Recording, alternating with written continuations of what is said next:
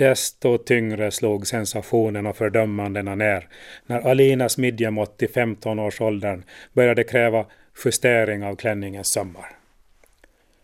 Hon svällde som en rosenknopp i bördigaste jord och Ida insåg först i efterhand att hon egentligen långt före magens rundning hade kunnat skönjas, hade sett kraften av obetvingligt nytt liv som gav flickans ögon, läppar och hull en lyster av fulländad bördighet. Det kunde ha varit som att bevittna människans pånyttfödelse i sin vackraste skepnad, om blott flickan hade varit något äldre och en anständig och ambitiös fästman funnits att tillgå. Istället fanns den medelålders torparen Karl Friman som även var far till Alinas halvsystrar och likaså till hennes närmaste väninnor på grannön. Finnen Laine från Rimito som slitit spö och suttit i häkte för onda gärningar innan han togs emot bland utskärsborna i förhoppning att han var redo att folka sig och sträva efter ett bättre liv. Den är långt ifrån idealiske svärson till Ida satt i Joanitas kajuta där hon låg förtöjd innerst vid piren i Korsares hamn på Ösel. Solen sken, Rigabukten glittrade, svalorna pila i höjden och han satt och funderade på att ta sitt liv. När han ett par veckor tidigare hade seglat ut från hemsocknen för att på den baltiska ön restaurera kyrkans orgelläktare då hade avfärden känts befriande. Han hade behövt lite betänketid, ty svåra orosmoln hade börjat hopa sig där hemma. Bekymren hade sin rot i att Alina i sitt ungdomliga oförstånd hade vägrat följa med till en fosterfördriverska i Stockholm, trots att behovet varit uppenbart. Att inte Ida hade sett detta måste ha berott på hennes lycka, som Karl såg det. De hade haft en fin tid tillsammans igen och något filter i moderns sinnen hade avskärmat henne från att ta in detta besked om att lyckan var till ända. Nu hade han varit borta i drygt två veckor och inget hade distraherat Idas syn. Alinas grossess hade säkert noterats tydligt som en fyr i natten. Både Ida och Amanda skulle vara som furier och den här gången skulle inget heller kunna stoppa det samstämmiga fördömandet i bygden. På Bågskär var hans framgångssaga över.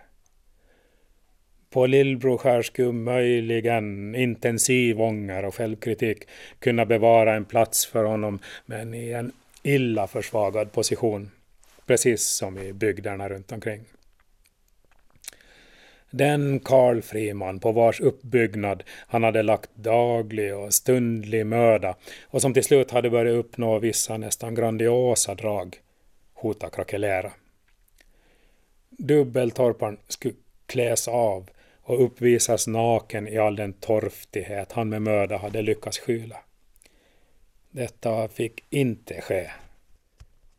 Men inte kunde han heller på fullt allvar tänka sig att ända livet för denna person som hade sån potential att växa ytterligare i prakt. Han hade ju blott hunnit börja ännu och hade så mycket ogjort. De hade bara fått se embryot till hans potential, men nu hotades dess förverkligande av småaktig missundsamhet. Han arbetade hårt, hade börjat nå framgång och älskades av flera kvinnor. Vad låg det egentligen för ont i det? Det var endast småaktig konvenans för små människor som hindrade honom och hans tre kvinnor hemma på öarna att arrangera sina liv så som det passade och behagade dem. Det hade ju fungerat allt bättre med Ida och Manda, så nog borde gemenskapen även kunna omfatta Elina. Det faktum att, att hon ansågs lite ung för att bli kvinna fullt ut det var ju en sak som tiden helt automatiskt och behändigt skulle justera. Barnabörden skulle bara få henne att mogna fortare. Kanske skulle de tre låta tala med sig om han riktigt la manken till. Han hade ju förhandlat skickligt om läktarrenoveringen och skulle komma hem med både kontanter och varor som gav råg i ryggen. Och alla tre hade sagt att de älskade honom. Det var också begåvade människor som borde kunna höja sig över de normer som bevarar små människor små. Tillsammans kunde de skapa något storslaget från sina små öar. Han kunde nog från sina resor och affärer dra försorg om dem som älskade honom där hemma.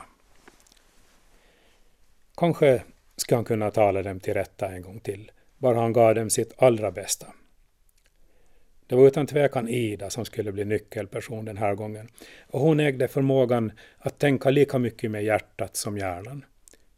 Och han ägde ju förmågan att nå hennes hjärta. Så var det.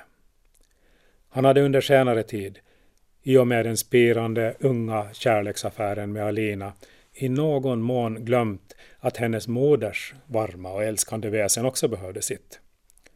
Det hade ju så mycket vackert gemensamt bakom sig och skulle nog finna vägen dit igen.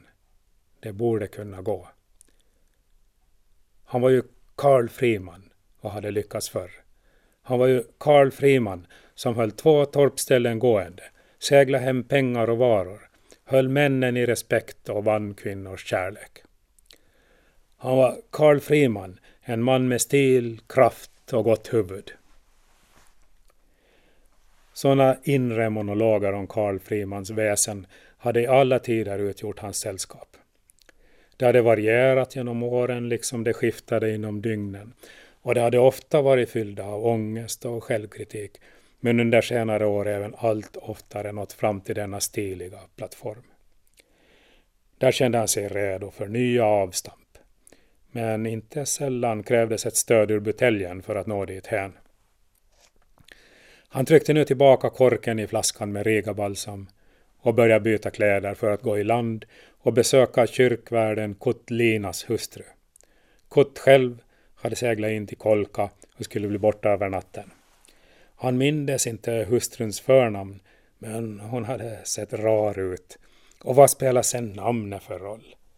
Hemma hade han sin Alina och här hade han fru Lina. Leende över sin namnlek vandrar han i kvällen upp från hamnen.